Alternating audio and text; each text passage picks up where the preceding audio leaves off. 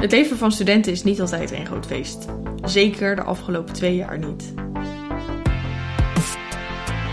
In één uur over organiseren we een gesprek met studenten, deskundigen en ervaringsdeskundigen over thema's waar je als student tegenaan loopt. Ons programma, 1 uur over, biedt wat houvast door experts aan het woord te laten en ruimte te bieden om ervaringen te delen. Het is een programma van Podium en Student Support Center live opgenomen in de serre van de Botanische Tuinen in Utrecht.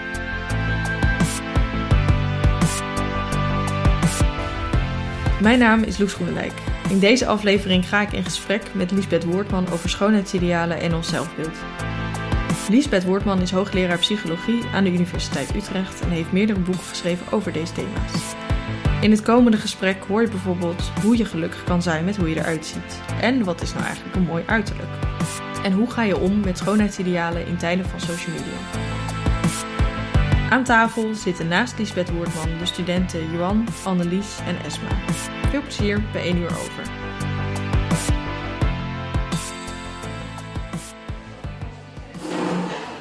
Goedemorgen allemaal. Het is nu uh, eh, 7 over 12. Wij gaan beginnen met 1 uur over.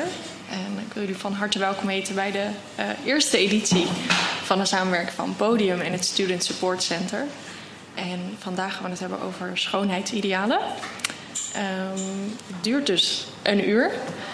En um, we gaan er een podcast van maken. Uh, vandaar dus nu ook de microfoons. Uh, het zou heel fijn zijn als de telefoons op stil kunnen. En uh, er is hier een microfoon voor vragen. Maar daar komen we zo meteen allemaal op. Ik ga eerst even voorstellen met wie we hier allemaal zijn. We zitten hier bij ronde tafel uh, met drie studenten en onze gastspreker Lisbeth Woordman. En, um, ik ga eerst even korte studenten vragen om zichzelf voor te stellen. Um, dus ik begin even aan de, voor mij, de linkerkant. Yes. Um, ik ben Johan, ik ben derdejaars vaktherapie beeldend student. ja, en ik ben blij om hier te zijn. Kijk of die. Wow, ja, de microfoon doet het.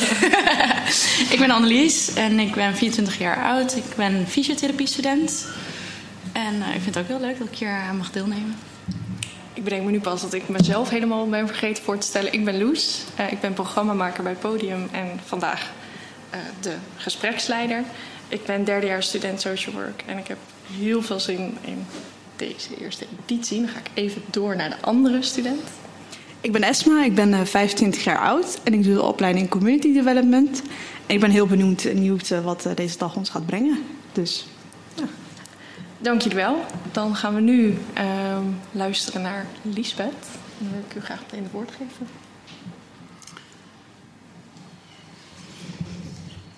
Waar te beginnen? Ik uh, ben hoogleraar aan de Universiteit Utrecht en ik ben psycholoog en ik ben ook klinica. Dat betekent dat ik heel veel mensen in de loop van mijn leven in therapie heb gehad. Met allerlei soorten problemen, angsten, depressies, uh, seksueel geweld, vragen rondom uh, genderidentiteit, seksualiteit. Um, maar wat mij opviel is dat deze vrouwen en mannen bijna allemaal ook uh, heel negatief over hun eigen uiterlijk dachten. En eigenlijk zag ik uh, niet zoveel bijzonders aan hen. Um, dat is voor mij het begin geweest van mijn zoektocht om te onderzoeken. Ik ben er ook op gepromoveerd in 1994 over hoe ontstaat eigenlijk ons lichaamsbeeld. Wat is een lichaamsbeeld? Wat is een zelfbeeld? En hoe ontstaat dat? Want ik kende het ook wel een beetje uit mijn eigen leven. Uh, zeker toen ik een stuk jonger was, dat ik met hetzelfde uiterlijk de ene dag behoorlijk tevreden kon zijn en de volgende dag dacht, nou, ik ga, niet, ga de straat niet op, want ik zie er niet uit. Hoe is dit mogelijk? Want feitelijk hè, uh, verandert dat lichaam helemaal niet zo snel. Dus blijkbaar heeft de waardering van je uiterlijk niet zoveel te maken met hoe je er feitelijk uitziet. Dat is het eerste wat ik met jullie wil delen. Dus dat de manier waarop je eruit ziet Ook al ben je biologisch prachtig, en met biologisch prachtig bedoel ik eh, dat is universeel. Uh, dat je een gave huid hebt, grote ogen, bepaalde symmetrie van het gezicht. Hè, dat je, bij iedereen zijn die helften verschillend. Uh, maar hoe symmetrischer, hoe mooier. Uh, en ook de verhouding van het gezicht ten opzichte van het lichaam. Dat zijn universele schoonheidskenmerken. Maar nou is het niet zo dat degenen die biologisch het mooiste zijn, dat die zichzelf ook mooi vinden. Dat is raar. Dat is eigenlijk ontzettend raar. En ook de omgekeerde, jongens en meisjes, mannen en vrouwen, waarvan wij sociaal en maatschappelijk zeggen: Oh, nou, die vinden wij niet zo aantrekkelijk, die vinden wij misschien zelfs lelijk. Die hoeven zichzelf helemaal niet lelijk te vinden of onaantrekkelijk. Dus blijkbaar is er iets anders wat van invloed is op de waardering van je uiterlijk dan die zogenaamde feitelijkheid. Um, het woord lichaamsbeeld en zelfbeeld zouden we eigenlijk in de prullenbak moeten gooien en niet meer gebruiken. Want het verwarrende is dat een beeld nooit samen kan vallen met datgene waar het naar verwijst. Ik eh, doe af en toe stilte omdat ik weet dat sommige dingen lastig zijn en dat ze even in kunnen dalen. Dus ik zeg nog een keer hetzelfde. Een beeld kan nooit samenvallen met datgene waar het naar verwijst.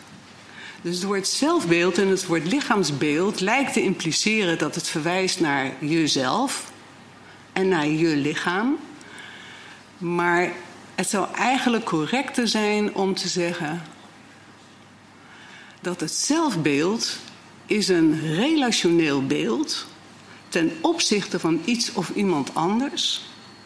Of heel eenvoudig gezegd, het zelfbeeld wat wij allemaal hebben in ons hoofd over onszelf zegt heel weinig over jouzelf, maar zegt alles over de ervaringen die je opgedaan hebt met andere mensen en hoe zij naar jou gekeken hebben.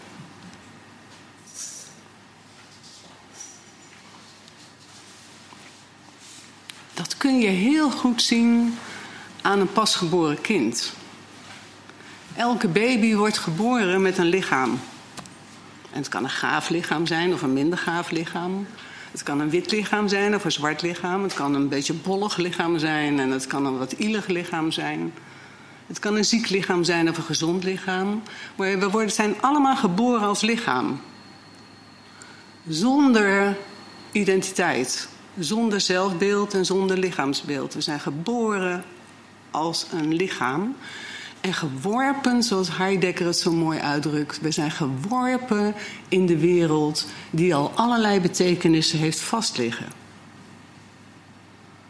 In die zin is die moderne uitdrukking van lekker jezelf zijn een hele ongelukkige en bijna helemaal niet mogelijk. Um,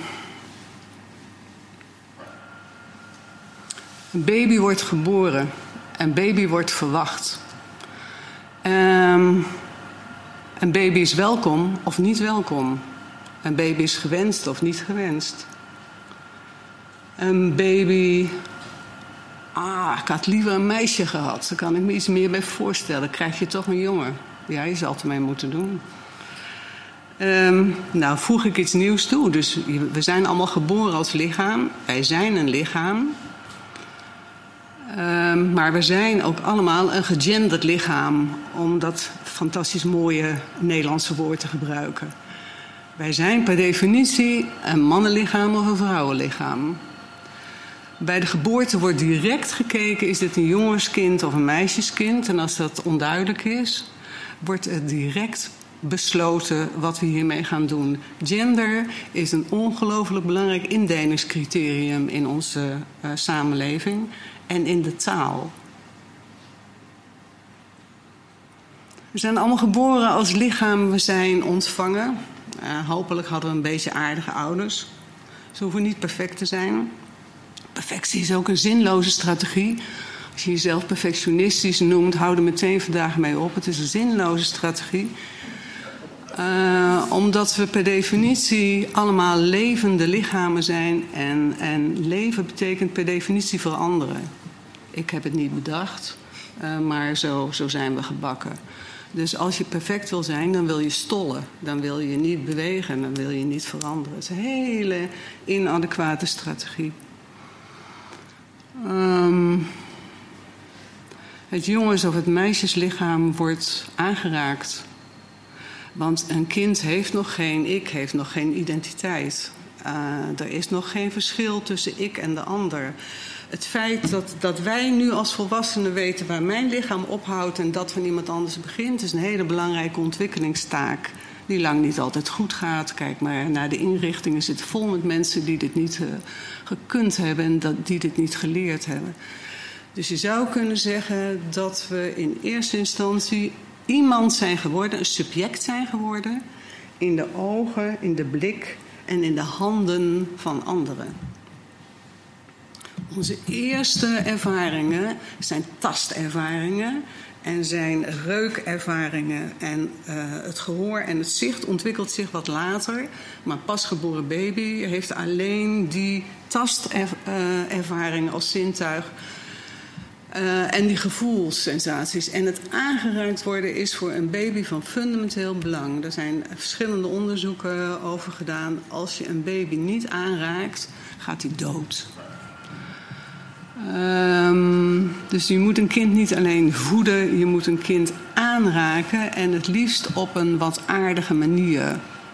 En aardig is eigenlijk dat je stem en je blik congruent is met het gevoel van je handen. Als ik druk ben en ik zeg tegen dat kind, want ik heb wel eens een boek gelezen, uh, ik zeg tegen dat kind: Ik vind jou lief, met zo'n vlakke stem trapt geen enkele baby daarin. Met congruent bedoel ik dat als je een baby zacht aanraakt, dat ook je stem zacht is en dat je ogen zacht zijn. Dat is heel belangrijk, die congruentie.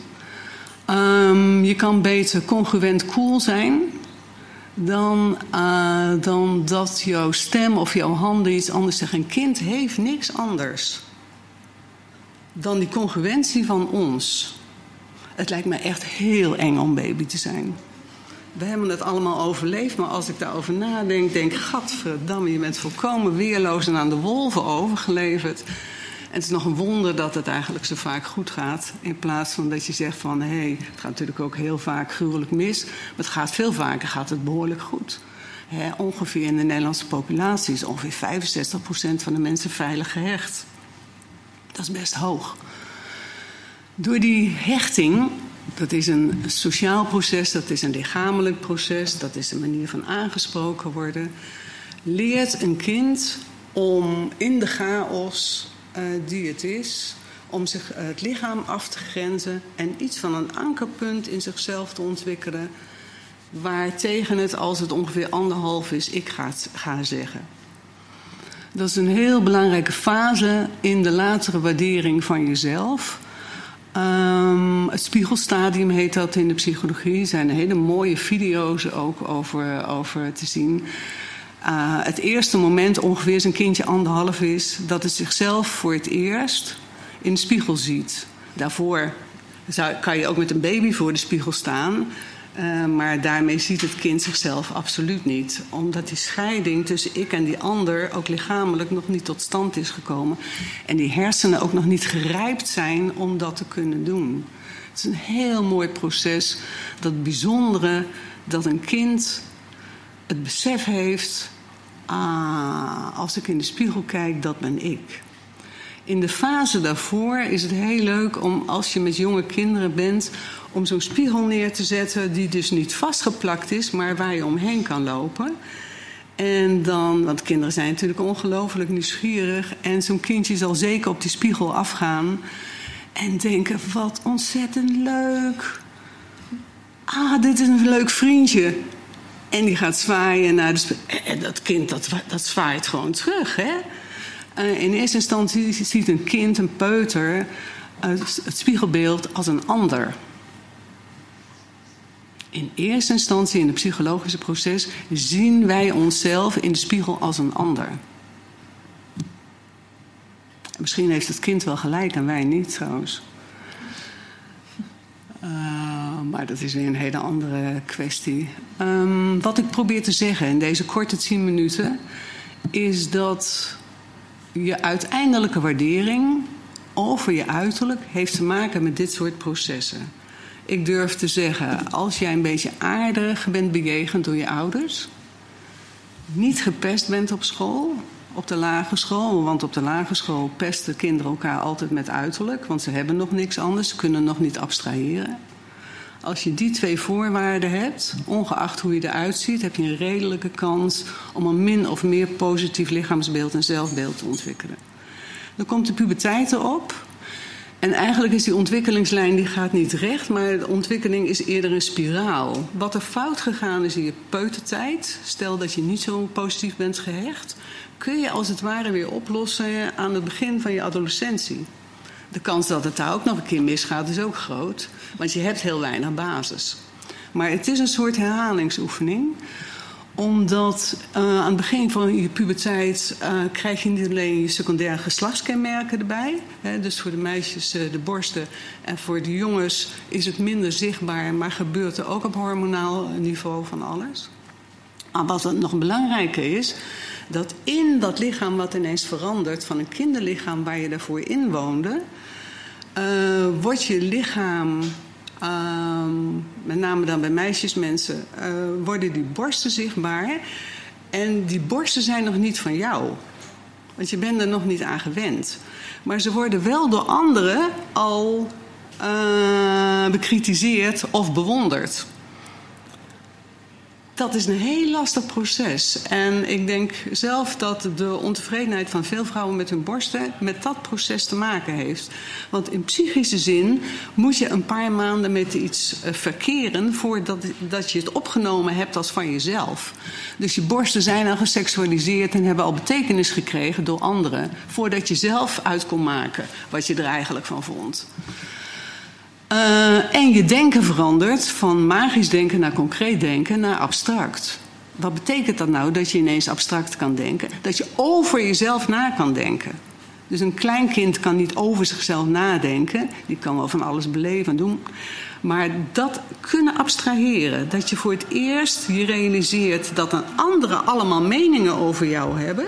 Sta je daar met je onhandige puberlichaam, met die armen en die benen, die gaan als eerste. Dus je lichaam is uit balans. Voor de meisjesmensen komen die borsten daar nog bij. En ineens kan je over jezelf nadenken. Dat is echt slecht geregeld. Ik zeg, al, ik zeg altijd, degene die dat geregeld heeft, had een iets andere volgorde moeten doen. Dan hadden we het een stuk makkelijker gehad met elkaar. Maar dat komt allemaal tegelijkertijd.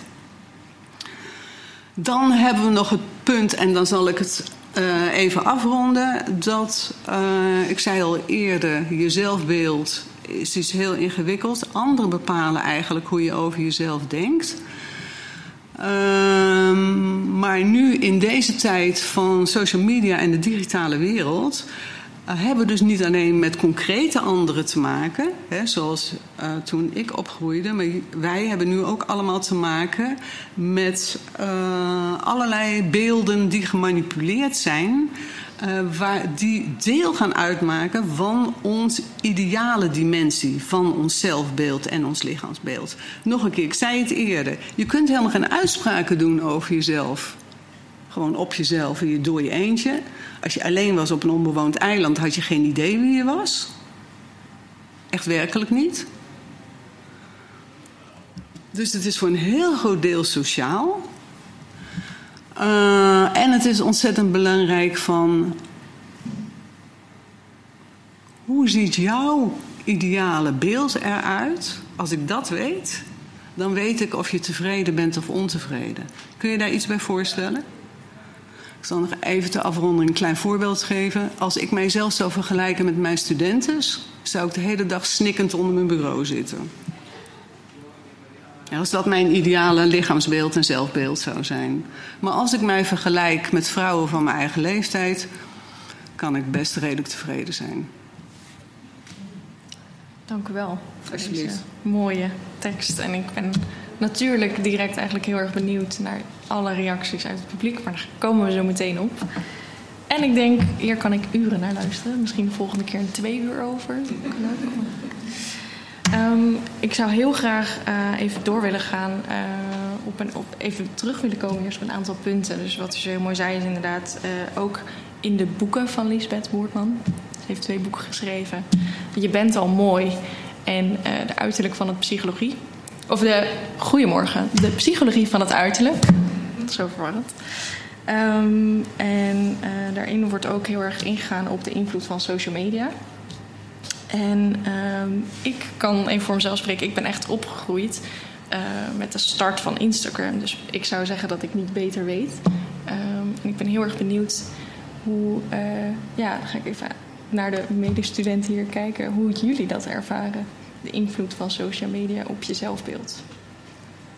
Um, ik heb er echt heel bewust voor gekozen om dat zo min mogelijk um, te zien. Ik probeer echt um, zo min mogelijk mensen te volgen die er ideaal uitzien of dat promoten. En ik probeer echt bewust te kijken naar realistische beelden, dingen die minder gefotoshopt zijn. En ik probeer ook zelf zo min mogelijk bij te dragen aan het beeld.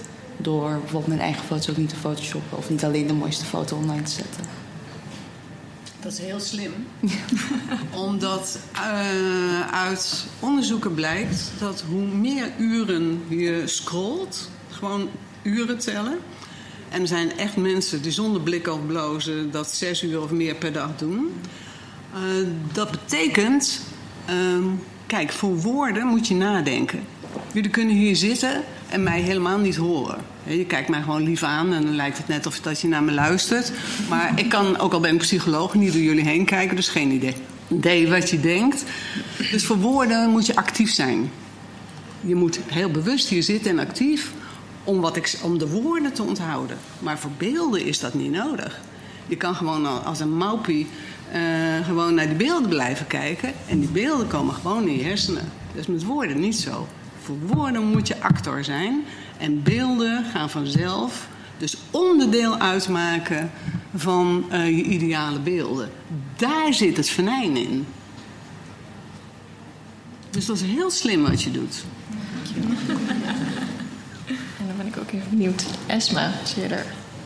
Ja, ik, ik herken me wel in wat jij zegt. Ik ben nooit echt geweest van het mezelf op de voorgrond zetten of mooie foto's plaatsen. Of uh, dat ik denk, nou, ik ben heel erg benieuwd wat anderen eigenlijk aan het doen zijn. En ik heb natuurlijk wel mensen in mijn omgeving die dat wel meer hebben. Dat ik echt denk van, dan kijken ze allerlei vlogs en dan denk ik, wat maakt het uit wat een ander in zijn leven doet? En achter de schermen weet je natuurlijk dat het heel anders eruit ziet. Want eh, ja, waarschijnlijk hebben zij geen perfect leven en gaat alles niet goed en loopt alles niet helemaal vlekkeloos. Terwijl dat is wel het beeld wat ze meegeven. En ik denk vooral jonge mensen die hebben nog niet een eigen identiteit. Dus daardoor worden ze ook soort van gevormd. Terwijl dat op een negatieve manier dan gedaan wordt. En dat, uh, ja, ik ben daar wel heel bewust van. Maar gelukkig ben ik niet heel veel bezig met, met allerlei uh, influencers en dat soort dingen. Dus dat, ja, het scheelt wel. ja, maar ik, hem, ik herken heel erg in wat je zegt. En ik denk ook wel dat, dat social media um, ja, wel een negatief effect heeft op vooral de jongeren van nu. En met, met het opkijken naar. En, uh, ja, wat, wat het ingewikkelde is. Um,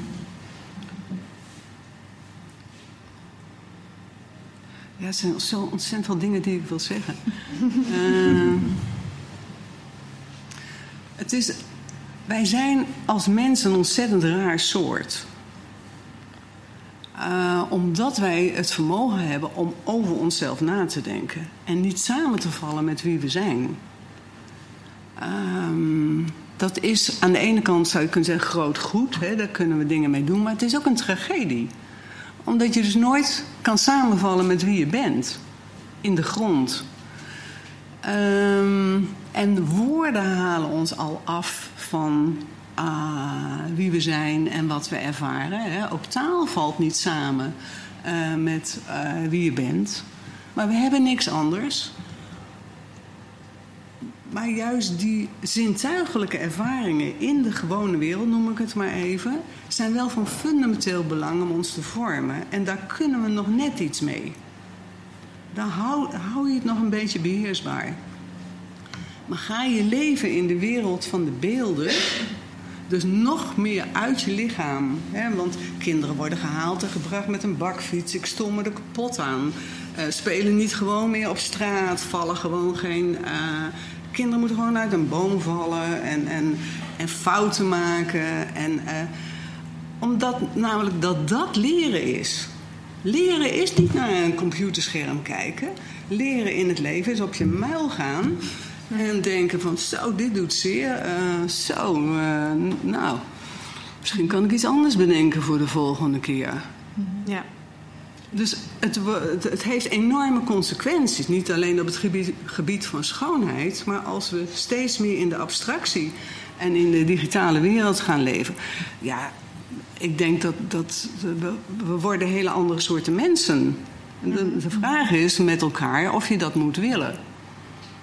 Nee, maar kun je het ook, uh, je kunt het ook niet afdwingen, denk ik. Want uh, we, ja, het, ik denk dat de ontwikkelingen zo snel gaan dat je eigenlijk niet door hebt dat al die veranderingen gebeuren. Mm -hmm. En inderdaad, wat jij zegt, van uh, kinderen moeten gewoon kunnen vallen en, en uh, ja, een bepaalde hoeveelheid gewoon lekker buiten spelen, vies worden, nou, noem maar allemaal maar op.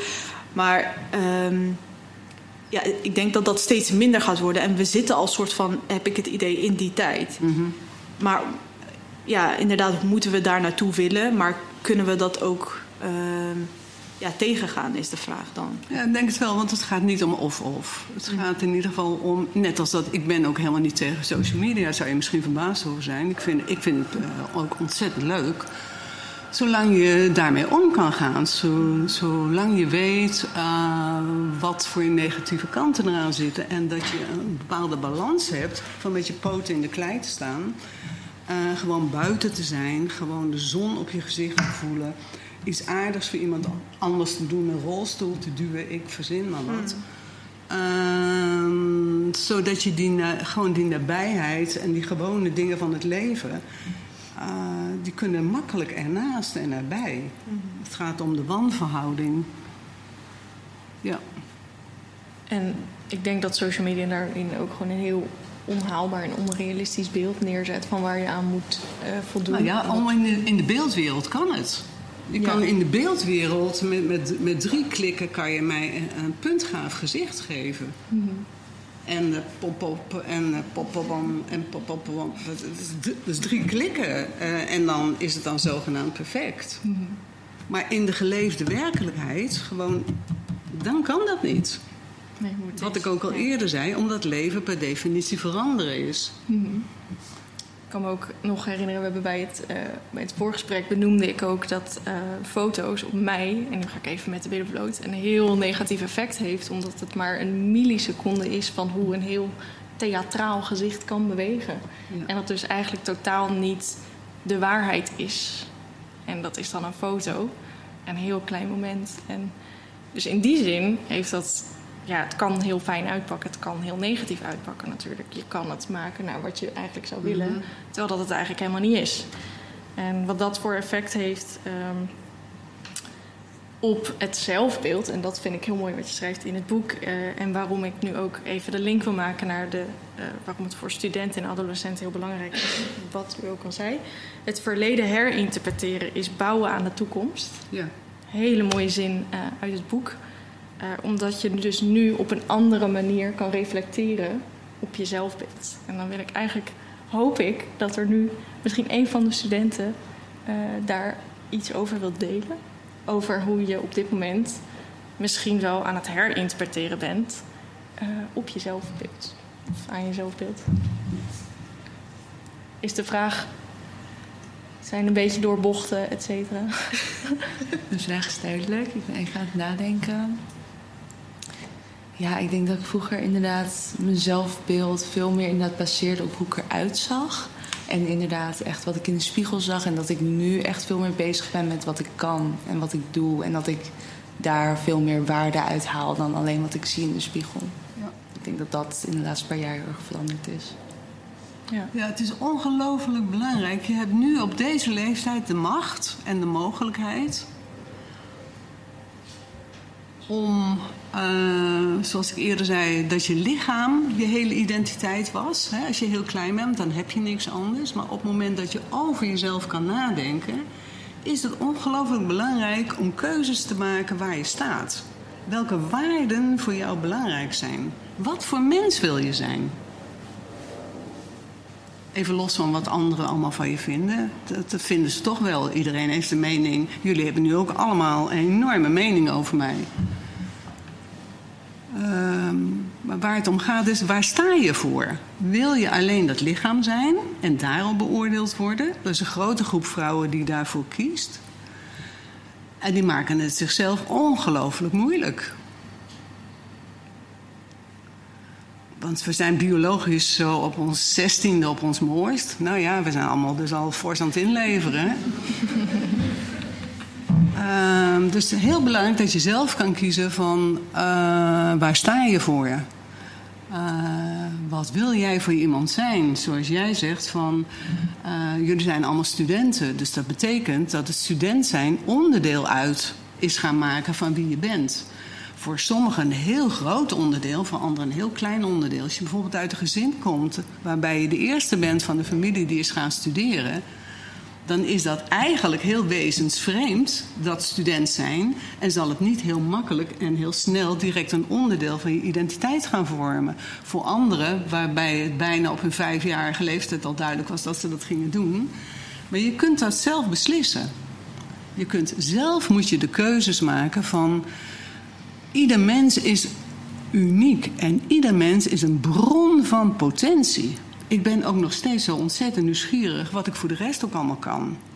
Ik heb geen idee, want ik heb maar één leven en ik heb ook maar 24 uur in een tijd. Maar wie weet was ik dan een fantastische timmervrouw geweest. Ik weet het niet, ik heb het nooit uitgeprobeerd. Dus ieder van ons, dat wil ik maar zeggen, laat allerlei talenten en mogelijkheden liggen. Uh, terwijl je als je probeert zo open mogelijk naar jezelf te kijken. En dat je niet denkt, hé, hey, ik ben een vrouw, dus kan ik allerlei dingen niet doen die mannen doen. Of dat je denkt, hé, hey, ik ben zwart en dan kan ik niet allemaal dingen doen die een witte doet. Of ik ben van zekere leeftijd, nou dan moet ik me heel beschaafd gedragen en niet meer doen zoals jonge mensen doen. Wie maakt dat uit? Dus het is heel belangrijk om de regie in die zin te pakken of je een heel beperkt leven gaat leven met toegeknepen billen. Zo van, oh, hou alsjeblieft van me, vind me mooi en leuk. En daar de hele dag mee bezig te zijn, om het even flauw te zeggen. Of dat je nieuwsgierig door het leven loopt en vol verwondering van wat er om de volgende hoek is. Wie je tegen gaat komen. En dat je ook als je een ander ontmoet, niet direct dat invult op basis van uiterlijk, maar dat je nieuwsgierig blijft.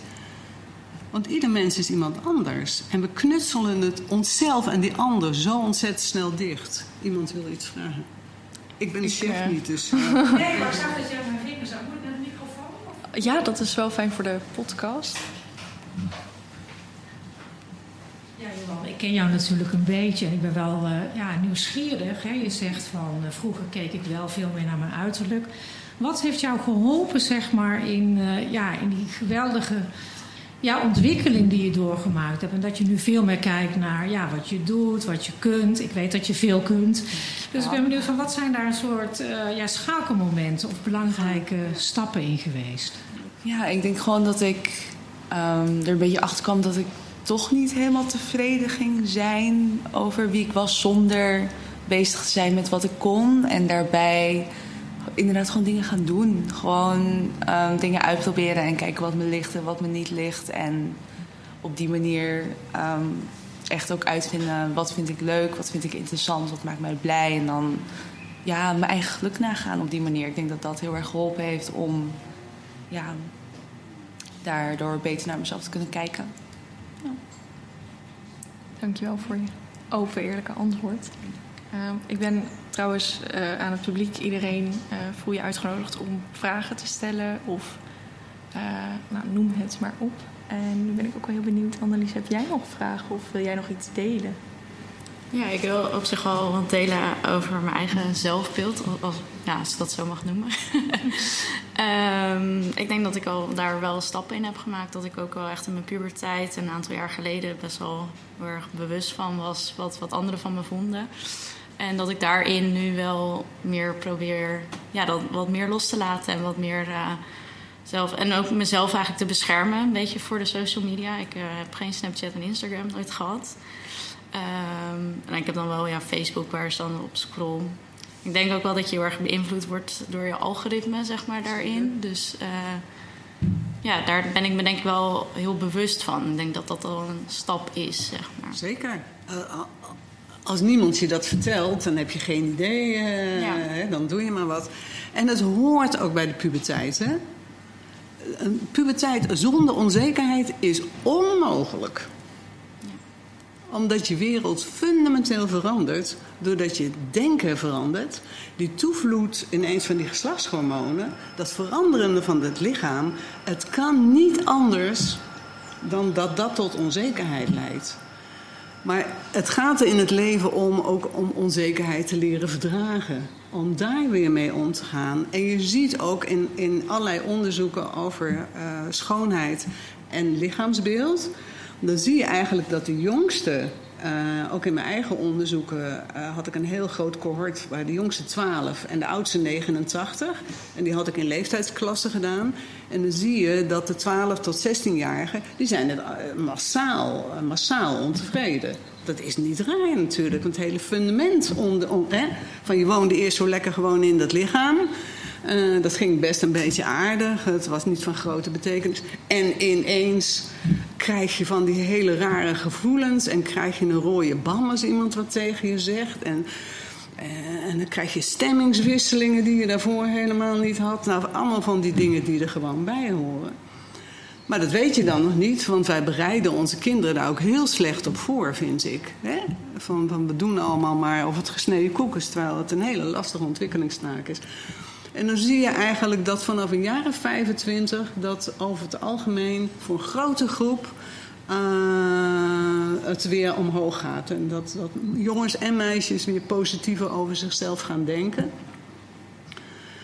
Um, dus ja, dat, dat is gewoon logisch. En het, het is fijn dat jullie studeren, want dat betekent gewoon dat je meerdere bronnen hebt om je identiteit aan te ontlenen hoe armer je bent, en met arm bedoel ik hoe kleiner je wereld is. En hoe minder je weet, des te moeilijker is het om een, om een positief uh, zelfbeeld op te bouwen. Mag ik een vraag stellen? Ja, Zeker. Um, u gaf aan uh, ja, dat, het, dat, het ja, dat we eigenlijk niet goed voorbereid worden. Zeg maar. Ja, vind ik, ja. Heeft u enig idee van hoe we daar beter op voorbereid zouden kunnen worden? Nee, ik denk dat dat altijd heel moeilijk blijft, omdat dan moeten die ouders het over seks gaan hebben. En dat wordt hem gewoon niet. Uh, want het ingewikkelde van seks is uh, dat het uh, over ons allemaal gaat. He, je kan heel veel, je kunt kinderen voorbereiden hoe ze beter in het verkeer zich kunnen bewegen. Uh, maar seksualiteit is voor heel veel mensen een heel lastig onderwerp, een gevoelig onderwerp. Uh, en dan met je kinderen over seksualiteit praten is best ingewikkeld. Um, en ook over onzekerheden. We leven op dit moment in een hele rare samenleving. Uh, waarin natuurlijk perfectie, daarom ben ik daar zo fel op, uh, en de prachtige levens één groot leugenfabriek natuurlijk is. Uh, dus je moet wel al met elkaar, ook als gezin, het lef hebben om het over lastige dingen te hebben. En dat het leven niet zo eenvoudig is. En dat heel veel dingen zeer doen en ingewikkeld zijn. En nou, ik vind niet dat daar nou zo breed uit over en makkelijk over gesproken wordt. Dus ik heb daar niet een hele eenvoudige oplossing uh, voor. Ik ben wel heel benieuwd, want um, in het boek schrijft u ook over dat social media heel erg um, het juist de, de seksualiteit soort van geobjectiveerd wordt. Ja. En denkt u dat dat dan uh, eigenlijk in die zin een soort positieve kansen zou bieden voor de volgende generatie, waarbij seksualiteit wat makkelijker. Uh, nee, ik denk juist dat het steeds ingewikkelder wordt. Ja? Ja, als je ziet uh, in onze tijd hoeveel mensen worstelen met hun genderidentiteit. -hmm. um, in de jaren 80 uh, en ook in de jaren 90 van de vorige eeuw zijn allerlei onderzoeken geweest, bijvoorbeeld over het aantal transseksuelen. Was in Nederland altijd heel constant, ongeveer 200 op jaarbasis. Wij liepen als Nederland ook heel erg voor. Mensen uit de hele wereld kwamen naar ons toe om hier geopereerd te worden. Het waren altijd drie keer zoveel biologische jongens dan biologische meisjes. Is ook niet zo gek, dat de maatschappelijke ruimte voor biologische meisjes groter is om je te manifesteren. van hier zit de eerste rij, heeft iedereen een broek aan. Nou, jullie hebben waarschijnlijk nog nooit de vraag gehad of je transseksueel of in travestie bent. Nee, want een broek is voor een meisje in onze samenleving behoorlijk in deze tijd geaccepteerd. Maar als ik bijvoorbeeld een mannelijke collega zou hebben die een koolpotloodje onder zijn ogen zet, nou, nou, nou, die is op zijn minst homo direct. Dus de, ruimte voor mannen is veel kleiner om je te kleden en te uiten. En nu in onze tijd zie je ineens iets heel wonderlijks. Uh, dat er steeds meer biologische meisjes zijn die die wens te kennen te geven om uh, dat proces in te gaan. En nu op dit moment zijn er meer biologische meisjes dan biologische jongens. Vind ik gek. Uh, ook in de zoektocht van mensen die zich nu non-binair gaan noemen. Uh, is heel fascinerend, want dat kan eigenlijk helemaal niet. Omdat alles gegenderd is. Dat heb ik net ook al gezegd. De hele taal is gegenderd. Uh, de lichamen zijn gegenderd. dus dat is heel ingewikkeld. Ik snap heel goed dat je zegt van... ik identificeer me nog als vrouw, nog als man.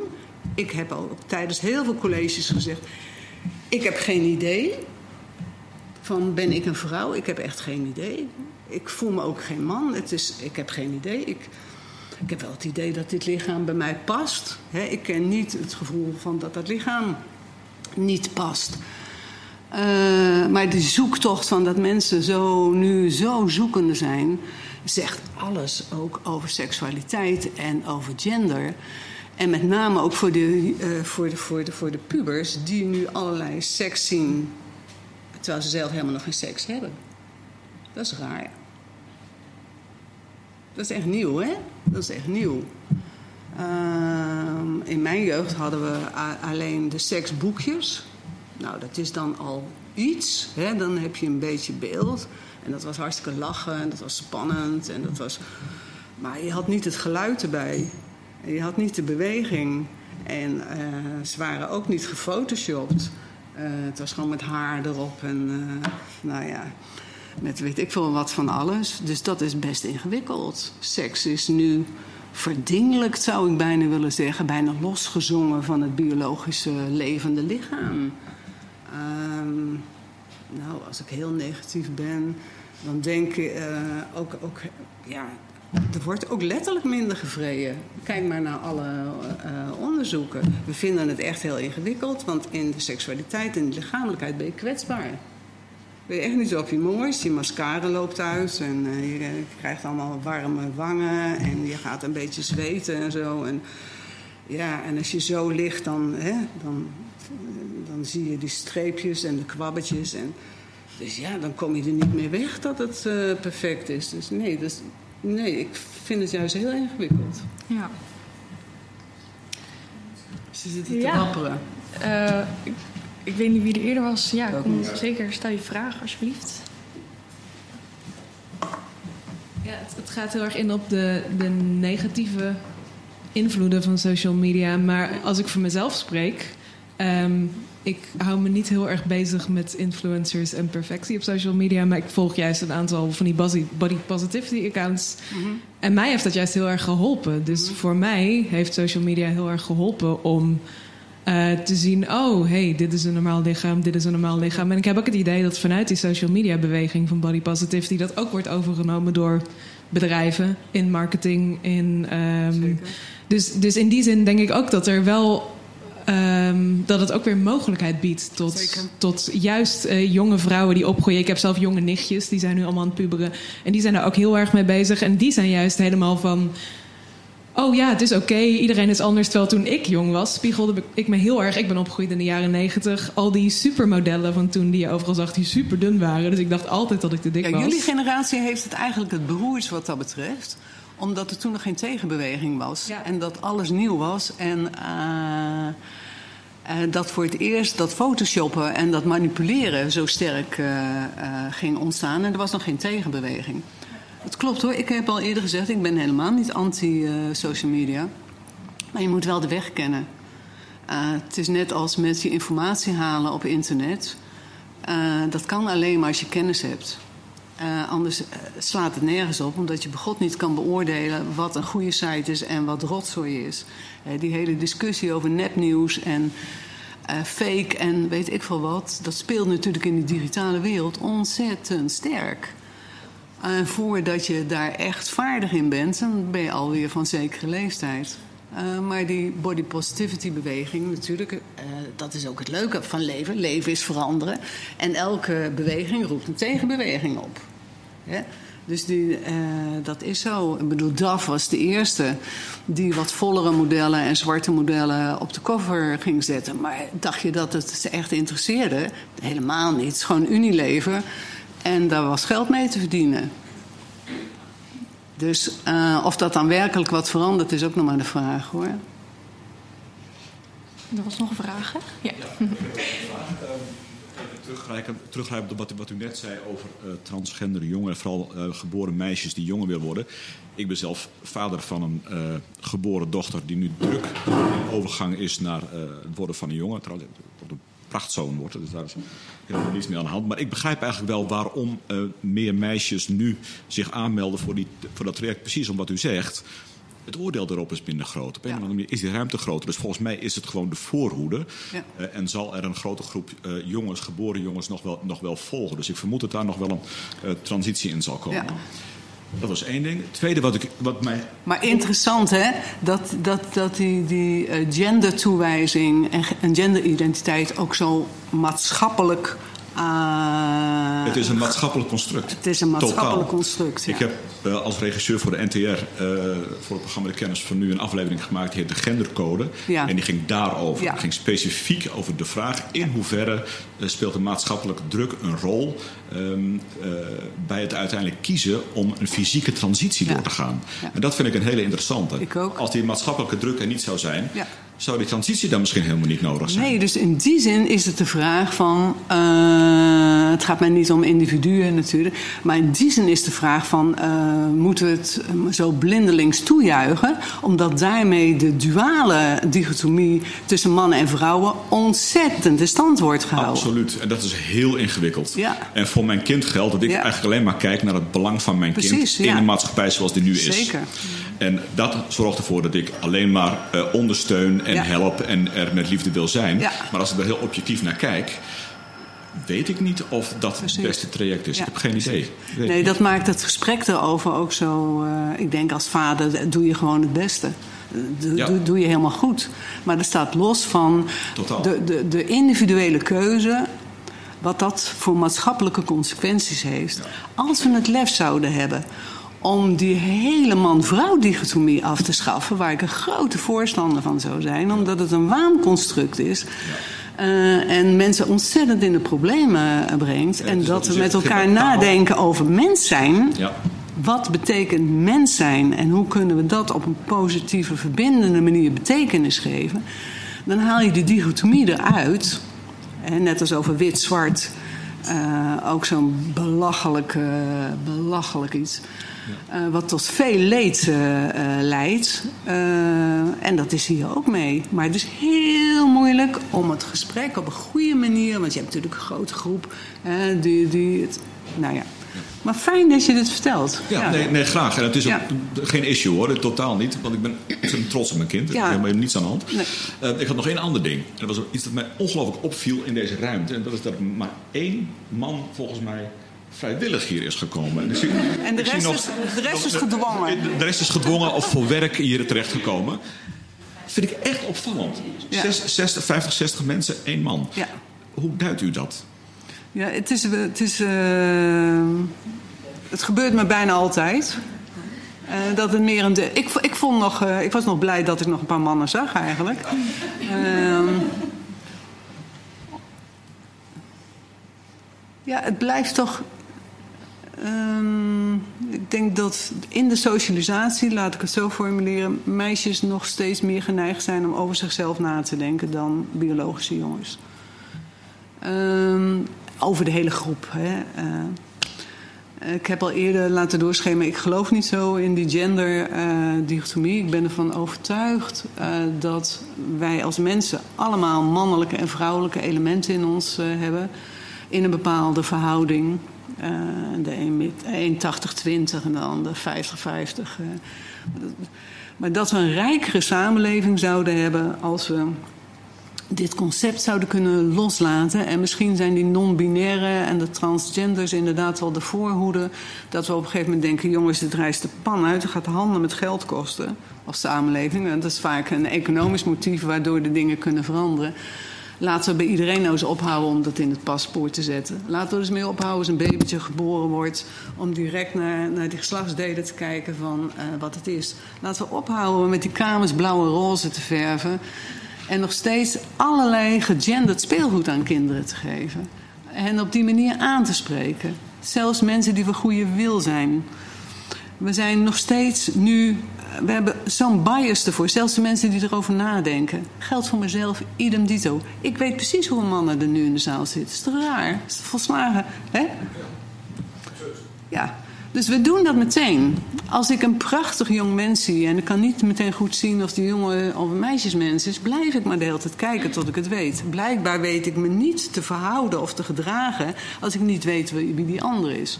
Dus ik denk dat we een ontzettend hoop mee zouden opschieten om daarmee op te houden. En ook dat geneuzel over die vermeende gefixeerde schoonheid zouden we daar dan meteen even in mee kunnen nemen.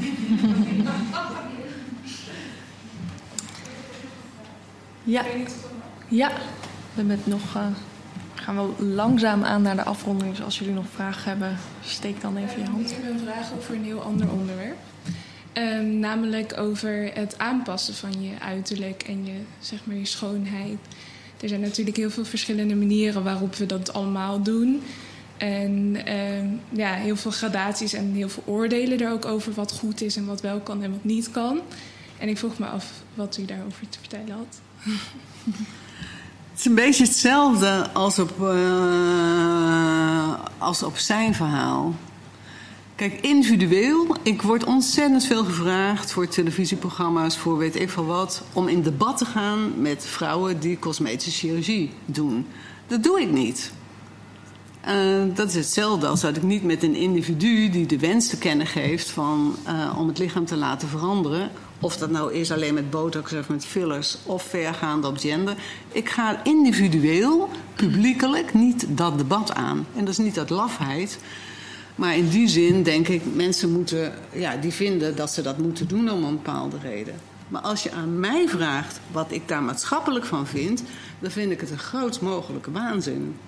En zou ik een groot voorstander van zijn als het vandaag door de pleeg getrokken wordt. Uh, om een aantal redenen. Um, plastische chirurgie is een fantastisch vak. Stel dat we in een brand terechtkomen, stel dat we een ongeluk krijgen, is fantastisch wat er allemaal kan. Dus waar de grens precies ligt, weet ik ook niet. Maar om zulke lippen te maken, uh, om elk lijntje in je gezicht weg te laten spuiten Um, dat je bilimplantaten, je borsten eh, tot een afschuwelijke uh, verminking. Um, de spullen die gebruikt worden zijn, voor zover we weten, van iedereen weet nu dat siliconen in de borsten dat dat mensen ziek maakt. En op dit moment worden ze nog steeds in lichamen gebracht. Um, ja, al die spullen die ingespoten worden, het is maar de vraag van uh, hoe goed of hoe slecht het voor je is. En ik denk altijd, wie neem je nou in de zijk? Wie of wat denk je nou. Uh, het haalt veel gevoel weg. Dat is een ander argument. Als ik uh, mijn lippen op zou laten spuiten en heel veel andere dingen zou doen. En ook met die borstimplantaten. Is maar de vraag of ik nog wat voel. Nou, ik vind dat zonde van mijn zoenen of van de strelingen als ik niet meer voel wat er gebeurt. Dus het gaat echt om die buitenkant. Dat andere mensen ja, je zou eigenlijk gewoon een briefje van duizend op je hoofd moeten plakken. Zo van, ik ben belangrijk of ik ben rijk. Of, ja, dan zeggen we ook met elkaar, nou, die is echt niet wijs. Maar dat is wat je doet. Van, van je presenteert je, nou ja, op een manier waarvan ik denk van, waarom? Wat schiet je er nou mee op? En dan heb je ook nog heel, zeg maar, dat niet specifiek over plastische chirurgie, maar je hebt ook bijvoorbeeld corrigerend ondergrond of Ja, de, de grens is heel moeilijk, want... ehm, kijk, kleding doet natuurlijk wat met je. Van als je zo jong bent en je bent onzeker... eh, de hele middelbare school heeft dezelfde eh, sportschoenen aan. Ik weet niet wat hip is tegenwoordig. eh. of dezelfde rugzak. Of wij zijn groepsdieren. We hebben het bek vol van hoe autonoom dat we zijn en niemand op onszelf. En we willen zo graag lekker onszelf zijn. Nou, dat doen we helemaal niet. We zijn enorme groepsdieren en lopen als een gek te kijken wat al die anderen doen. En dan doen we nou een flartje net wat anders. Maar ondertussen hebben we ook dezelfde spullen. Dus dat, dat verlangen van deel van de groep te zijn, dat kopen we. Dat, dat, dat druk je met kleding uit. eh, eh, status druk je daarmee uit. Ja, dat is al heel lang zo. Je moet je daar bewust van zijn. Dus in die zin heb ik ook wel mededogen met mensen. Dat ik denk van, joh, dat je dat allemaal nodig hebt om je op die manier neer te zetten. Maar je krijgt geen fijnere samenleving van. Ja, want dat splitst ook weer. Als, ik hier alleen maar een beetje mooi zit te wezen, met mijn opgespoten gezicht, wat, wat, wat geef ik dan voor signaal af aan jullie? Het is namelijk heel leuk om ouder te zijn. Het is veel leuker om ouder te zijn dan jonger. Dat is een groot, dat is een, groot geheim. Wat is er dan zo leuk? Nou, het is, het is zeker zo dat ik een minder knap op ben geworden qua uiterlijk. Dat is zeker zo en dat is jammer. Dat vind ik ook jammer. Maar tegelijkertijd de innerlijke rust die je hebt. eh, het, eh, je bent veel moediger. Je durft gewoon een, eh, langs je eigen lijnen te denken. Je durft fouten te maken en dat toe te geven. Je durft met totaal vreemde mensen in, in de trein een heel leuk gesprek eh, eh, te voeren. Ik vind het een leven echt oprecht leuker. En naarmate ik ouder word, ik vind het echt ook weer, net als het verheerlijken van de jeugd. Ik vond persoonlijk mijn puberteit de ergste tijd van mijn leven. Hè, want ik was, eh, ik was een beetje zoals jij, denk ik. En eh, ik had geen idee hoe je moest leven en hoe het in elkaar zat. Ik vond het ontzettend ingewikkeld. En als je ouder bent, heb je gewoon meer innerlijke rust. En dat is heel fijn. Dat klinkt in ieder geval heel veelbelovend. En dat geeft Ja. mij nu ook al rust. Dus eh, we moeten wel helaas eh, naar de afronding. Dus als er verder geen vragen of opmerkingen uit het publiek zijn... wil ik jullie in ieder geval van harte uitnodigen om zo meteen nog even te blijven hangen. We hebben hier namelijk wat hapjes en drankjes klaar. Ehm, dan zijn we eigenlijk hierbij aan het einde gekomen van de eerste editie van 1 uur over. De volgende editie eh, is op 2 november en zal gaan over rouw. En de editie daarna zal gaan over hooggevoeligheid op 24 november. En dan wil ik nu eh, het publiek heel erg bedanken. En zeker eh, mevrouw Lisbeth Woertman. En natuurlijk de studenten. Hartelijk bedankt dat jullie hier aanwezig waren. En tot de volgende keer.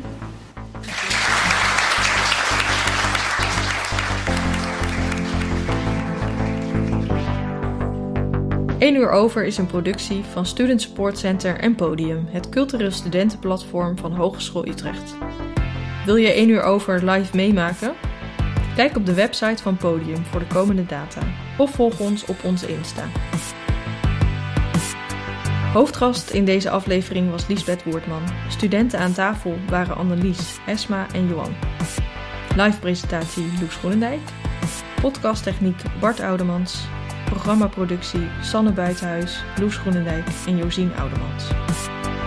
Dank voor het luisteren en graag tot de volgende keer.